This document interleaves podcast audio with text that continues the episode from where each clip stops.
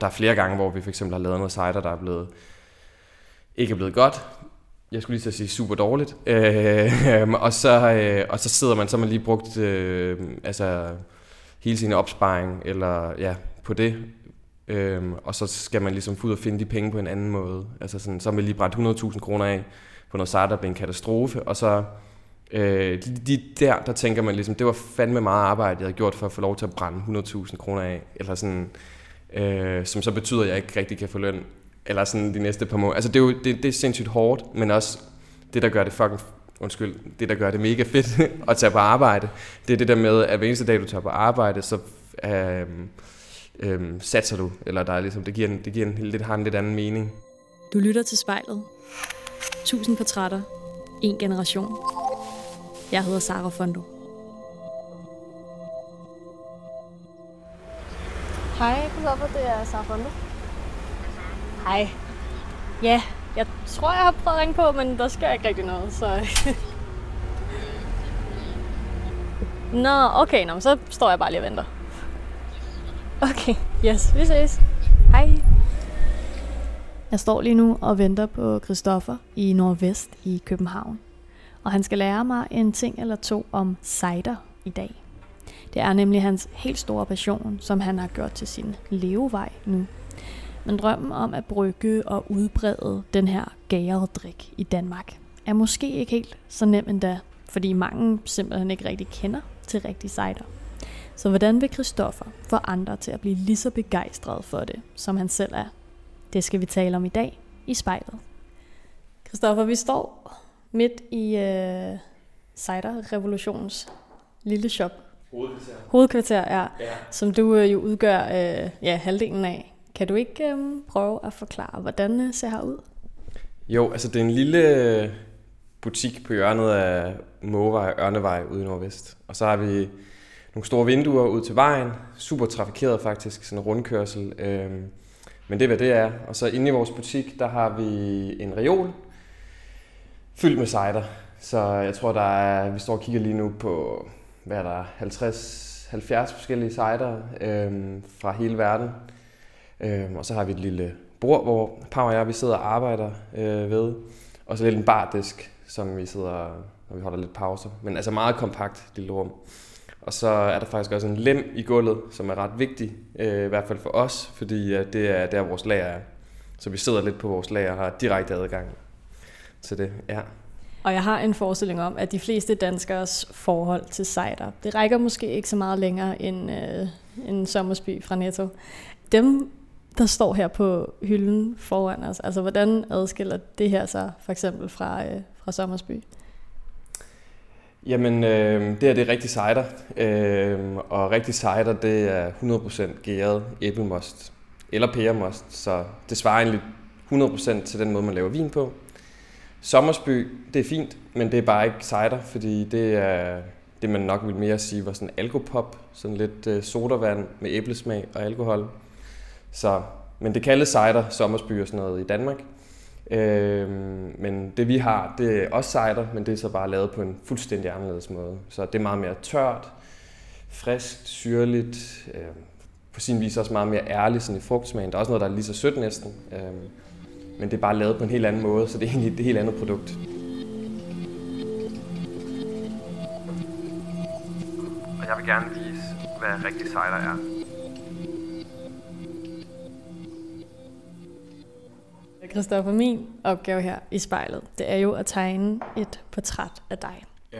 Og øhm, jeg tror lidt, jeg har fundet ud af, at min øh, niche som reporter, det er, jeg, jeg kan godt lide at finde mennesker, som, som er lidt øh, nørder, som er rigtig gode til noget og går virkelig meget op i noget. Og det var også derfor, at jeg tænkte, at det kunne være fedt at tale med dig. Så kan du ikke prøve at forklare mig, altså hvornår starter din, jeg ved ikke om jeg skal kalde det en obsession, men altså hvordan, hvordan begynder dit forhold til, til cider? Altså det er et godt spørgsmål. Det er jo sådan lidt en løbende proces, men altså i hvert fald Pau og jeg, vi, Pau som er min makker i, i virksomheden, vi, vi bliver begge to hver især på udveksling. Jeg var i England, og det er en 5-6 år siden nu.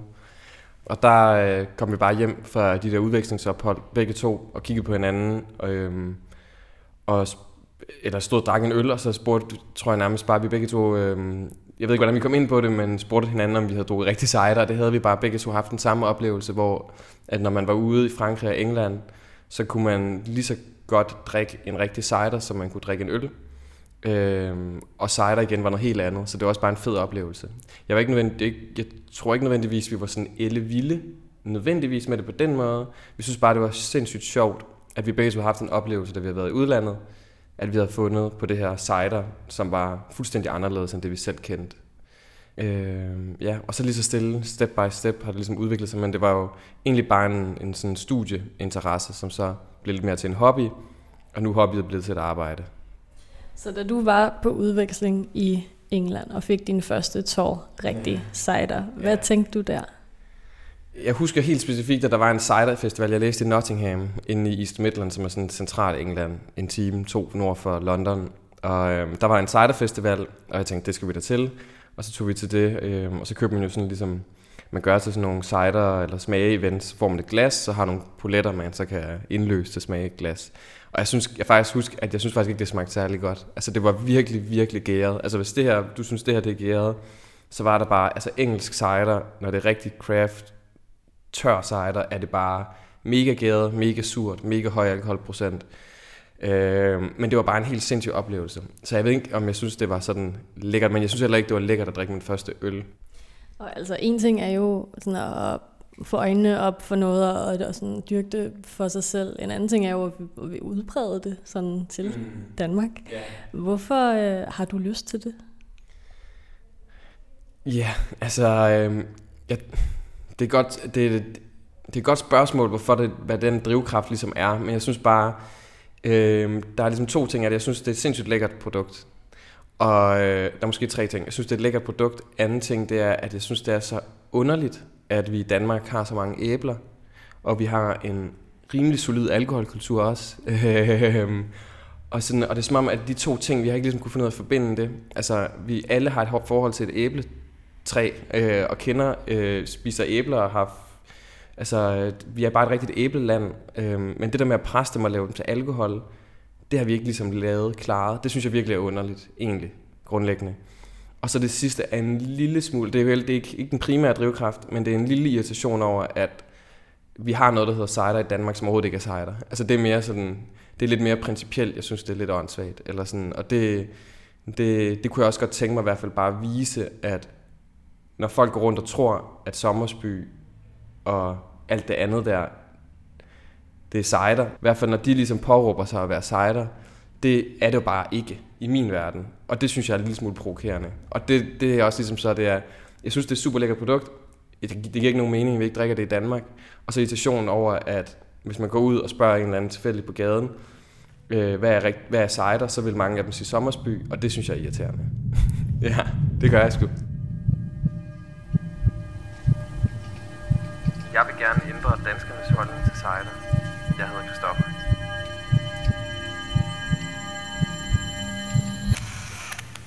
Så hvordan vil du altså, ændre den holdning? Jamen altså det, det er vores virksomhed går ud på, det er jo netop at udbrede det. Og det gør vi ved, at vi importerer øh, en masse cider. Og da vi startede for fem år siden, der kørte vi jo rundt på, på Nørrebro med vores ladcykel og spurgte bare, om det var noget, de var interesseret i. Og de fleste sagde nej, men der var også et par stykker, der sagde ja. Så vi følte ligesom, der var en tendens, godt nok lidt i nørde niche-afdelingen med cider, som vi ligesom har tappet lidt ned i. Men det er jo ved at udbrede det og vise, hvad rigtig cider kan. Så altså, vi tror også bare oprigtigt på, når folk de har smagt det, så synes de, det er spændende og lækkert. Og det er jo sådan et rigtigt iværksætter-eventyr, det her. Og øh, plejer man ikke også at sige, en hver starte hård eller noget, i, mhm. noget i den dur? Øhm, kan du ikke prøve at tage mig med tilbage? Altså, hvordan øhm, går I sådan fra idé til handling? Hvordan, hvordan ser den proces ud? Altså vi starter med at, at tage en tur til Frankrig, efter vi har blevet, er blevet enige om, at vi vil prøve det her cider. Og så tager vi til Frankrig, øh, låner min forældres bil og fylder den med cider. Og så kører vi hjem til Nørrebro, cykler lidt rundt, får altså nok til, der siger, at de synes, det ser spændende og smager spændende, til at vi tør at hente lidt hjem. Så der er jo også lidt det, man, jeg tror, man kalder confirmation bias. Altså, 19 sagde nej, en sagde ja, så var vi sikre på, at det ville blive en kæmpe succes. Ikke? Øhm, og så altså sådan lidt naiv også måske. Men altså, så hentede vi lige så stille hjem og fyldte mit øh, på det tidspunkt kollegeværelse med cider. Og fik de fødevarer godkendt og sådan, og så fik vi, og så lige så stille, så fik vi det bare spredt ud. Så, så cirka hver måned lagde vi et nyt, nyt, nyt sted til, ikke? Og, og lige i takt med, at vi skulle hente mere og mere hjem, så brugte vi også mere og mere tid på det. Øhm, og Power her endte, endte faktisk med ligesom nærmest at køre skifte.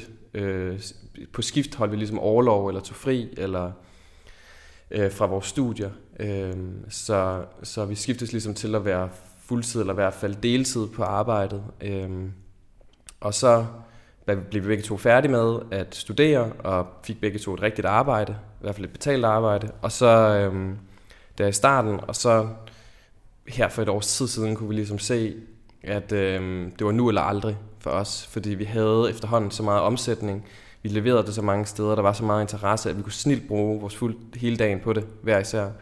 Og vi begyndte også at tjene nok penge, til vi kunne se, at vi nok kunne tjene, altså få en løn hjem. Og det var så ligesom der, så, sagde, så stoppede jeg med mit arbejde for et års tid siden, øhm, i juni 2020 var det vist. Og så øh, Pau, han stoppede her for et halvt års tid siden. Så det er sådan en glidende proces, hvor at det bare lige så stille overtager det dit liv, og til sidst så har du ikke tid til andet, og så bliver du nødt til at finde ud af, øh, hvis du ikke har tid til andet, så bliver du også nødt til at sige dit job op og gå in på det. Så, så sådan en gradvis proces. Så det er altså gået fra altså, øh, kollegieværelse og øh, køre rundt på cykel, hvilket I til dels stadigvæk gør, der står en her lige ude foran vinduet, øhm, til at vi sidder her på jeres øh, hovedkvarter. Øhm, hvornår har eller hvornår i den her proces, for det er en 5-6 år, I har været i gang, ja. hvornår har det været aller sværest? Har du været ved at kaste håndklædet i ringen på et eller andet tidspunkt? Øhm, i, jeg tror aldrig, jeg har været tæt på som sådan at kaste håndklædet i ringen, fordi jeg har Pau, og, øh, og vi er begge to gode til at holde hinanden i gang. Men ja, der har været perioder, hvor at man ligesom, i hvert fald sådan seriøst overvejede, om det var det værd, altså på lidt længere sigt. Øhm, så ja, 100% der har været, det har jo været pisse hårdt, ikke? Og, øhm, og øhm, også lidt det der med, det er jo både en, en gave, men også lidt en forbandelse, når ens sådan, det starter med en hobby, som man egentlig har kontrol over, og så ender det med, at det ligesom er hobbyen, der ligesom bliver til et arbejde og ligesom styrer dig. Øhm, og så samtidig er det jo også, altså, det er forbundet med en usikkerhed. Vi jo, vi kan ikke sidde stille en måned og bare lade og vente på at få en løn. Altså den, skal, den, den løn skal ind ved hårdt arbejde hver måned, så vi kan ikke ligesom slappe af på den måde. Øh, men det er jo sjovt, vi elsker det jo. Men, men det betyder også, at vi er også ekstremt øh, sårbare over for, hvis der sker ting. Og der er flere gange, hvor vi for eksempel har lavet noget cider, der er blevet, ikke er blevet godt. Jeg skulle lige så sige super dårligt. Øh, og, så, øh, og så sidder man, så man lige brugt øh, altså, hele sin opsparing eller, ja, på det.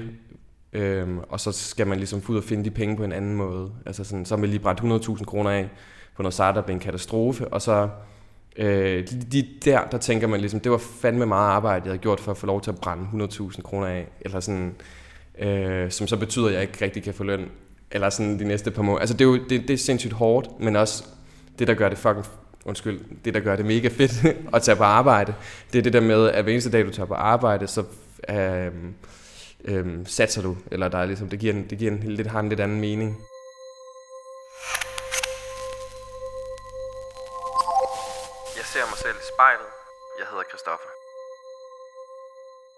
Ja, fordi jeg kan ikke lade være med at tænke, at du på en eller anden måde har haft, øh, altså du er gået på en vej, og på et eller andet tidspunkt, så er den her vej altså skilt sig i to, ikke?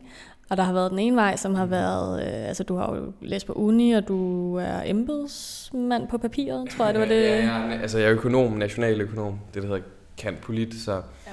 så, så jeg er klassisk, alle mine øh, gamle studiekammerater arbejder i ministerier og banker tænketanke og konsulenthuse og sådan noget. Ja. Så der, så der var jo ligesom den vej, du kunne være gået ned af, ikke? med 9 til 17 og formentlig en god portion penge hver måned og tryghed. Og så var der, så var der æblevejen her, ikke? med en masse æbletræer på vejen. ja. Og det er jo så den, du går på nu. Altså, ja. hvilken forskel har det gjort for dig, at det er den vej, du har taget? Øhm, jeg har jo et helt anderledes liv, kan man sige, end mange af mine studievenner og min, i det hele taget mine bedste venner, som det der også er, de fleste er uddannet inde på universitetet, ikke, og har sådan klassiske kontorjobs og sådan noget. Og, og øhm, altså, det, ja, det er jo det er lidt speci- altså, det er lidt specielt, altså jeg tror sagtens, man kan sætte sig ind i det, men det er lidt specielt det der med, når man laver sit eget, sin egen virksomhed. Øhm, fordi det, det, der, det overtager lidt dit liv. Altså det er din hobby og dit arbejde virkelig. Øhm, og det var svært ved at adskille arbejde og fritid. Øhm, så du, du arbejder på sin vis hele tiden. Øhm, og er ligesom i sådan en form for arbejdsmode, som er super fed, fed men også skal være super hårdt. Ikke? Så, så nogle gange så drømmer jeg mig også til netop kunne tage på arbejde klokken 9 og komme hjem klokken 4, få min løn, næsten ligegyldigt, hvor godt jeg havde gjort det den måned, øh, ville jeg nok få min løn, øh, men det gjorde det virkelig forfærdeligt, og så øh, kunne holde fri i weekenderne og sådan nogle ting. Altså, den måde, som er jeg blevet meget, min hverdag er på sin vis meget mere fleksibel, hvilket er fantastisk, men jo også ekstremt meget mere, øh, hvad kan man sige, øh, der hænger sådan en cidersky, der følger med mig, ligesom overalt, hvor jeg går. Øh, så, så det kan både på godt og ondt ligesom nogle gange være, være lidt hårdt egentlig at deal med. Ja. Føler du, at du har altså, måtte opgive noget for at nå hertil? Øh, øh, ja, altså øh, egentlig, ja, virkelig meget på sin vis. Altså jeg synes, øh, hele det der med, at øh, altså trygheden i en hverdag kan jo være enormt øh, befriende, så man kan egentlig gå og slappe lidt mere af. Øh, det giver en nogle, nogle muligheder for måske at lave noget selvrealisering på en anden måde. Altså man kunne få en hobby, eller nogle andre hobbyer, eller man kunne i det hele taget slappe lidt mere af på nogle områder. Øh, man kunne måske også bruge mere tid på ting, som sådan umiddelbart uden for arbejdet gør en glad. Altså om det skal være en kæreste, eller venner, eller familie, eller tage ud og rejse, eller øh, den, sådan det klassiske liv, som jo egentlig er en klassisk liv, fordi de fleste synes, det er dejligt at have den tryghed, den må man ligesom opgive lidt. Øh, ja, nu kan jeg ikke engang huske, hvad du spurgte om. Yes. Men om jeg måtte opgive noget, yeah. eller sådan, altså, så, så jeg har ligesom opgivet det trygge liv lige nu. Men altså, når det så er sagt, altså hvis det her det slår fejl, så må jeg jo ind og sidde i et ministerie, eller en styrelse, eller en kommune, eller et eller andet, ikke? Øhm, og den sikkerhed har jeg på sin vis lidt stadigvæk i baghovedet, men, men, men ja, jeg har ligesom opgivet det trygge liv ved at lave det her, som jo tager alt min tid. Og når det tager al min tid, altså det tror jeg alle mine venner og min ekskæreste kunne snakke med om mange af dem, så øh, er jeg nogle gange lidt et andet sted, eller sådan, man er hele tiden, øh, hvis man, ja, jeg tror også, du som freelancer måske ikke kunne relatere til det, men det der med, at man, man skal smide skabe sin egen løn og fremtid hele tiden ved det, du laver lige nu. Så du er meget mere bevidst omkring, når din telefon den ringer, eller du får en mail. Så det er ikke bare en sur chef, der beder dig om et eller andet, så det faktisk din fremtid og din indkomst, der afhænger af det. Så du bliver meget mere bundet af det, og på den vis, så har jeg ligesom også opgivet meget fritid, altså på sin vis, fordi øh, i hvert fald lige nu, øh, så giver vi den gas, og det har ligesom nogle omkostninger. Og du er jo altså virkelig passioneret omkring cider. Og jeg kan ikke lade være lidt med at lave en eller anden sådan sammenligning i mit hoved med, at det er ligesom sådan, hvis jeg for eksempel finder en eller anden sang, jeg er virkelig vild med, og så introducerer jeg den for en af mine venner, og så er de bare sådan, hvad fanden er det for noget lort? altså sådan, øhm, også bare det, vi taler om i starten med, med sådan, den generelle danskers holdning til det. Ikke? Altså, er det frustrerende, at der ikke er flere, der ligesom måske deler den her passion endnu i hvert fald? Øhm, nej, altså jeg har, ikke, jeg har på ingen måde nogen frustration eller sådan øhm, irritation over, at folk ikke ligesom forstår det på den måde. Slet ikke. Altså, øhm, det er meget mere den omvendte, at jeg synes, det er så fedt, at jeg er helt sikker på, at når folk de har smagt det på et eller andet tidspunkt, så skal de nok få øjnene op for det. Så jeg går ikke, jeg, der er intet bitterhed i det her overhovedet. Altså den eneste bitterhed, der er, det er jo så over for de der fake producenter, der ligesom bruger begrebet. Men jeg har ikke noget, jeg har ingen bitterhed eller frustration over for den enkelte, der måske helt, helt, altså det er jo helt fair, hvis man ikke kan lide det, og man bare meget bedre kan lide Sommersby. Det er totalt fair. Øh, det, men ja, så der er ikke nogen, der er ikke nogen øh, frustration på den måde, slet ikke. Nej. Og på sådan det helt personlige plan, hvad vil du så sige, at den her passion har gjort for dig? Øh, det er svært ikke at blive sådan en lille smule navlepillende, fordi men det tror jeg godt, man sagtens skal sætte sig ind i. Det er jo sådan meget øh, øh, selv, eller sådan, øh, det, meget definerende for ens person, og en, den måde, man selv ser sig på, at man ligesom har startet sit eget. Øh, øh, man kan også kalde det selvrealisering, men igen, det lyder også sådan lidt selvsmagende. Men det har bare været super fedt at lave det her, hvor man ligesom kan stå op om morgenen og ligesom føle, at det, man laver, er fedt, og at man bruger sin tid på noget, der er fedt, øh, og, og øh, i det hele taget ligesom føler, at man selv er i kontrol, øh, og, tage, og selv tage kontrol over ens liv lige nu, i nuet. Så det er sådan meget meningsfuldt hver dag til dag, fordi man har det her selvrealiseringsprojekt, eller, og på den måde så er det egentlig meget definerende for ens måde at se sig selv på, at, øh, at man øh, åh, den, er, den, og igen, hvad skal jeg være lidt politisk korrekt her, men altså, at man ikke bare ligesom lader tiden gå, og man får nogle penge ind og sådan noget. Her der er jeg ligesom med til at skabe min egen fremtid. Det, det, er, sådan, det er sådan meget selvtillidsgivende øh, og meget meningsgivende. Øh, så helt klart, det, det er det ligesom givet mig. Øh, man har går også øh, og har den der sorte, nogle gange sorte sejdersky, der følger efter en. Så så det har, den har simpelthen en negativ side af det. Ikke? Altså det, igen, det er en gave på mange måder, men det er fandme også hårdt, altså øh, nogle gange. Og det skal være hårdt, eller det tror jeg, eller jeg tror i hvert fald ikke, man kan, det skal ikke, der er ikke nogen, der har sagt, at det skulle være nemt. Hvis du eller en du kender skal være med i spejlet, så skriv til os på Instagram.